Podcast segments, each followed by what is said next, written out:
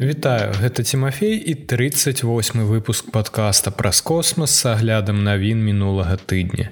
Сёння я раскажу пра касмічны тэлескоп Джеймс Веб, які святкуе свой першы год працы, пра новы кантракт на пасадачны модуль для еўрапейскай місіі Экзамарс, пра новы рэкорд глобальнай тэмпературы на зямлі, старажытныя вулканы на месяцы ды іншым. Давайте пачынаць.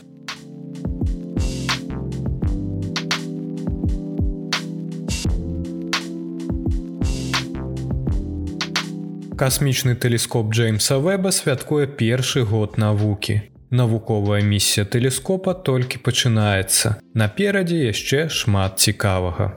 Першы здымак з тэлескопа Джеймса Веба быў апублікаваны 11 ліпеня 2022 года. Калі прэзідэнт ЗША Джо Байден падчас публічнага мерапрыемства ў белым доме ў Вашынгтоне паказаў здымак тысячи галактык у галактычным скопішчы S-Max S0723.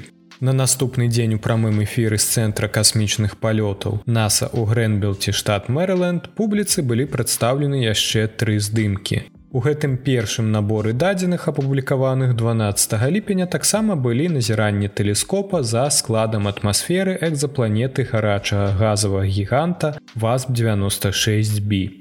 Мало таго, што здымкі і дадзеныя зрабілі ўражанне на публіку, але нават астраномы і навукоўцы, якія дапамаглі распрацоўваць касмічны тэлескоп, былі здзіўлены дакладнасцю і магутнасцю тэлескопа, адчуўшы, які ўклад ён унясе ў астраномію. Першы год эксплуатацыі тэлескопа не расчараваў. Тэлескоп прызначаны для назірання за сусветам у інфачырвоным дыяпазоне, што робіць яго асабліва прыдатным для назірання за раннімі галактыкамі. Гэта звязана з тым, што святло, якое пакінулі гэтыя галактыкі мільярды гадоў таму страціла энергію, перадолеўшы мільярды светлавых гадоў і гэта праводзіць да змянення даўжыні хвалі святла ў бок чырвонага канца электрамагнітнага спектру. Працэс, названы чырвоным зрушэннем, складаецца ў тым, што бачнае святло ссоўваецца ў бок інфачырвонага святла. І чым даўжэй гэтае святло падарожнічае ад самых далёкіх і такім чынам самых ранніх галактык, тым мацней чырвонае зрушэнне. Інфачырвоныя прыборы веба дазволілі касмічнаму тэлескопу коштам 10 мільярдаў долараў візуалізаваць самыя далёкія самыя раннія галактыкі калі-небудзь бачныя чалавецтвам. Што было яшчэ больш дзіўным у першыя 12 месяцаў навуковых даследаванняў касмічнага тэлескопа, дык гэта тое, наколькі карысны гэты магутны інструмент прызначаны для таго, каб зазірнуць глыбей у сусвет і такім чынам далей у часе, чым любы іншы тэлескоп да яго. У сонечнай сістэме веб змог паказаць цудоўныя віды газавага гіганта Юпітера, ледзянога гіганта Урана і акружаны кольцамі Сатурн. За год навуковых даследаванняў мы дакладна ведаем, наколькі магутным з'яўляецца гэты тэлескоп. І гэта быў год уражлівых дадзеных і адкрыццяў, сказала Джейн Рэгбі старэйшы навуковы супрацоўнік касмічнага тэлескопа Джеймса Вэба.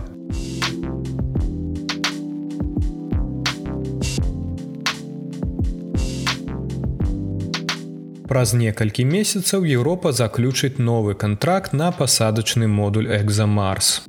Йозеф Ашбахер, генеральны дырэктар еўрапейскага касмічнага агенства кажа, што агенства неўзабаве выпусціць кантракт на распрацоўку пасадачнага модуля місіі Экзамарс, які заменіць расійскі страчаны пасля разрыву іх партнёрства ў 2022 годзе.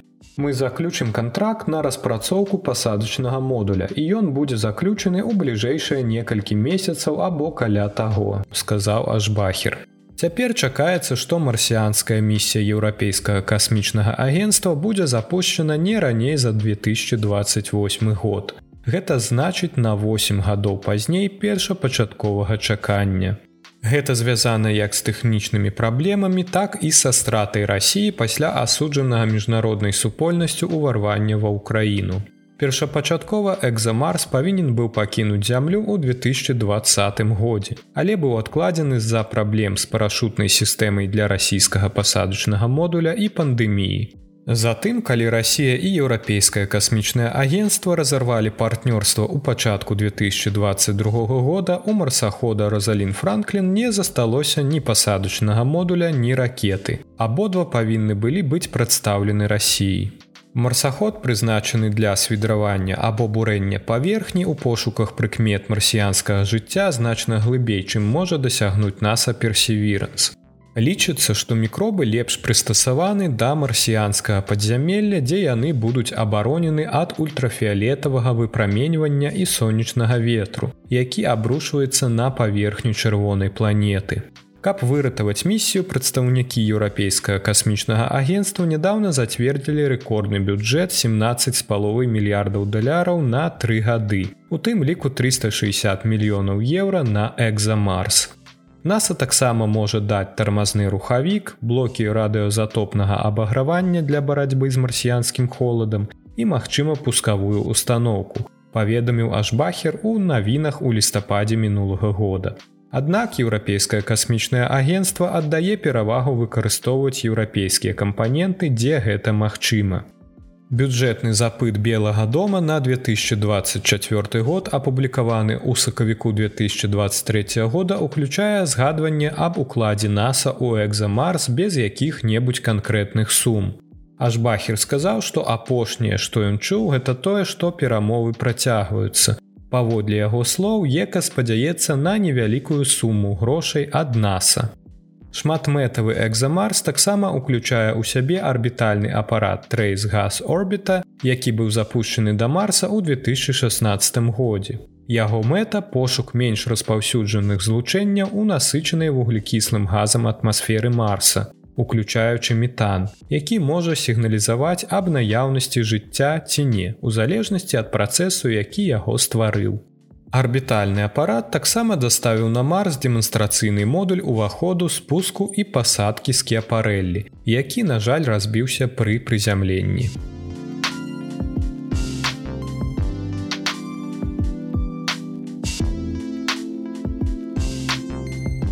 Глобальная тэмпература была самай высокай за ўсю гісторыю назіранняў на працягу трох дзён запар у ліпені. З панядзелка па сераду з 3 по 5 ліпеня глобальныя тэмпературы або пабілі або зраўняліся з рэкордамі самага спякотнага дня на зямлі.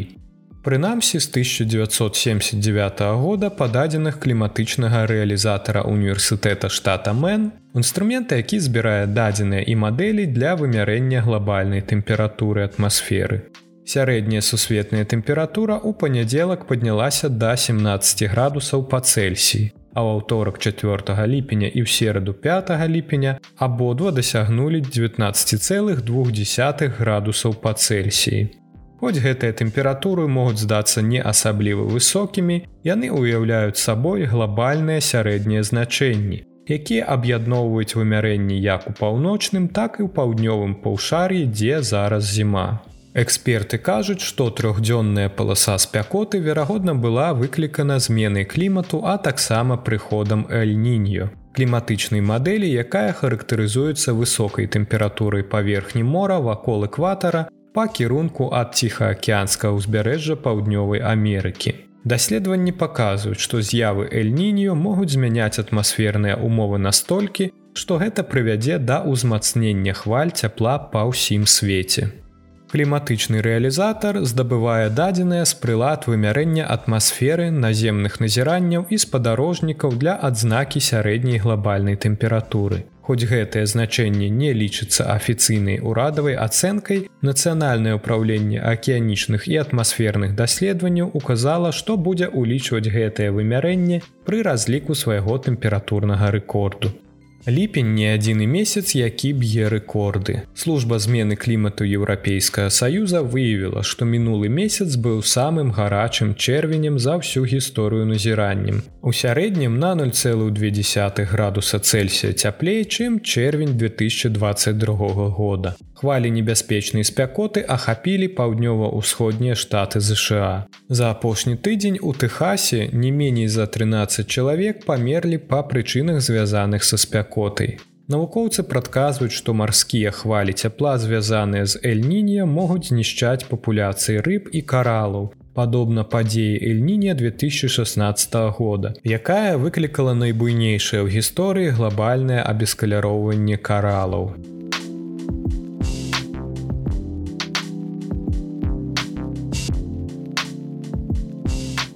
Кітай вывеў на арбіту першую ў свеце ракету, якая працуе на метані. Ракета Джуцуе2, распрацаваная кітайскай кампаніяй Landspace паспяхова паднялася на арбіту пасля запуску з касмадрома Дзюцуань у пустыні Гобі ў аўторак 11 ліпеня. Касмічныя сілы ЗША пацвердзілі паведамленне Кітая аб тым, што ракета, якая працуе на метані, выйшла на арбіту. Это быў важны крок для Джуцуя2, якая сутыкнулася з анамалій падчас свайго дэбютнага палёту летась 14 снежня. Неўзабаве пасля гэтага пекінская кампанія Landspace апублікавала заяву, якая пацвярдждае, што другая прыступка ракеты была страчана і што для высвятлення прычыны будзе праведзена расследаванне, якое яшчэ не апублікавана.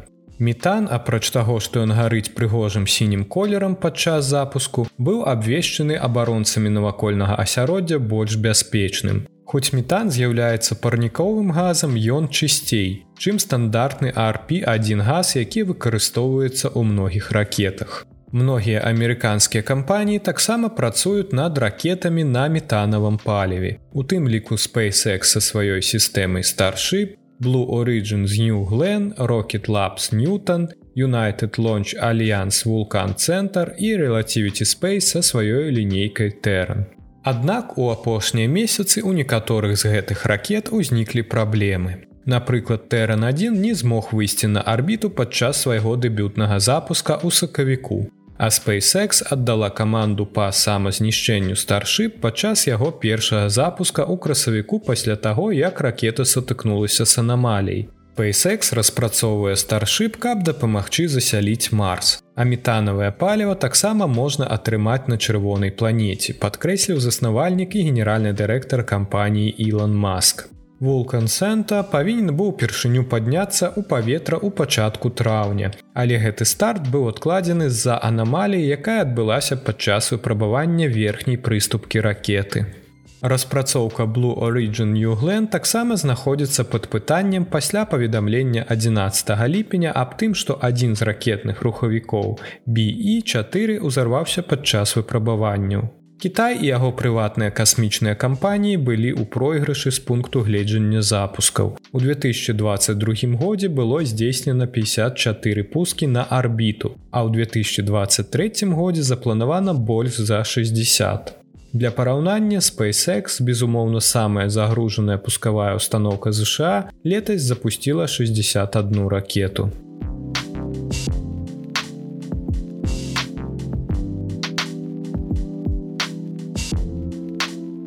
Вялізнае гранітнае цела на адваротным баку месяца дае ключ да разгадкі старажытных месячных вулканаў. Граніт, выяўлены пад старажытным месячным вулканам, з'яўляецца яшчэ адным сведчаннем таго, што адваротны бок месяца калісьці свяціўся вулканічнымі вывяржэннямі. Граніт быў знойдзены пад меркаванай вулканічнай вобласцю на паверхні месяца пад назвай Комптон Бяльковіч.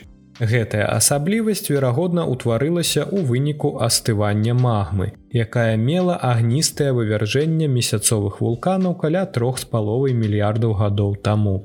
Але выяўленне рэшткаў вулканічнай актыўнасці ў гэтым раёне месяца не з'яўляецца поўнай нечаканасцю. Паколькі навукоўцы ўжо даўно падазравалі, што гэтыя вобласці ўяўляюць сабой старажытны комплекс вулканаў. Аднак для каманды стала нечаканасцю тое, наколькі вялікі гэты участак астылай магмы, Яго меркаваная шырыня складае каля 50 кіламетраў. Адкрыццё гэтага вялікага масіву граніту пад вулканічным комплексам можа дапамагчы навукоўцам растлумачыць, як утварылася месячная кара ў ранняй гісторыі месяца.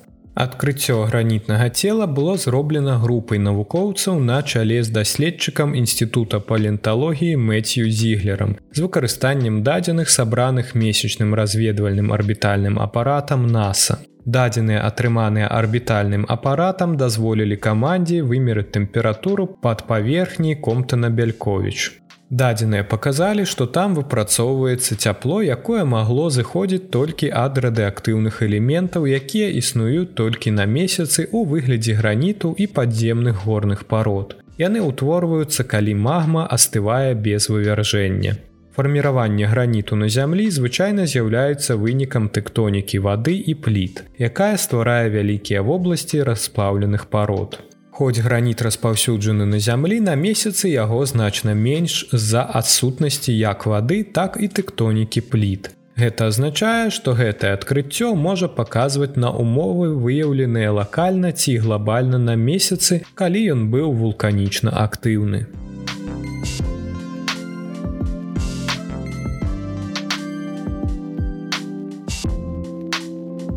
Гэта ўсе навіны, пра якія я хацеў распавесці вам у выпуску. Цяпер пагаворым аб самых цікавых падзеях наступнага тыдня. Традыцыйна 19 і 22 ліпеня SpaceX на ракетах Falалcon 9 запусціць серыю спадарожнікаў Starlink.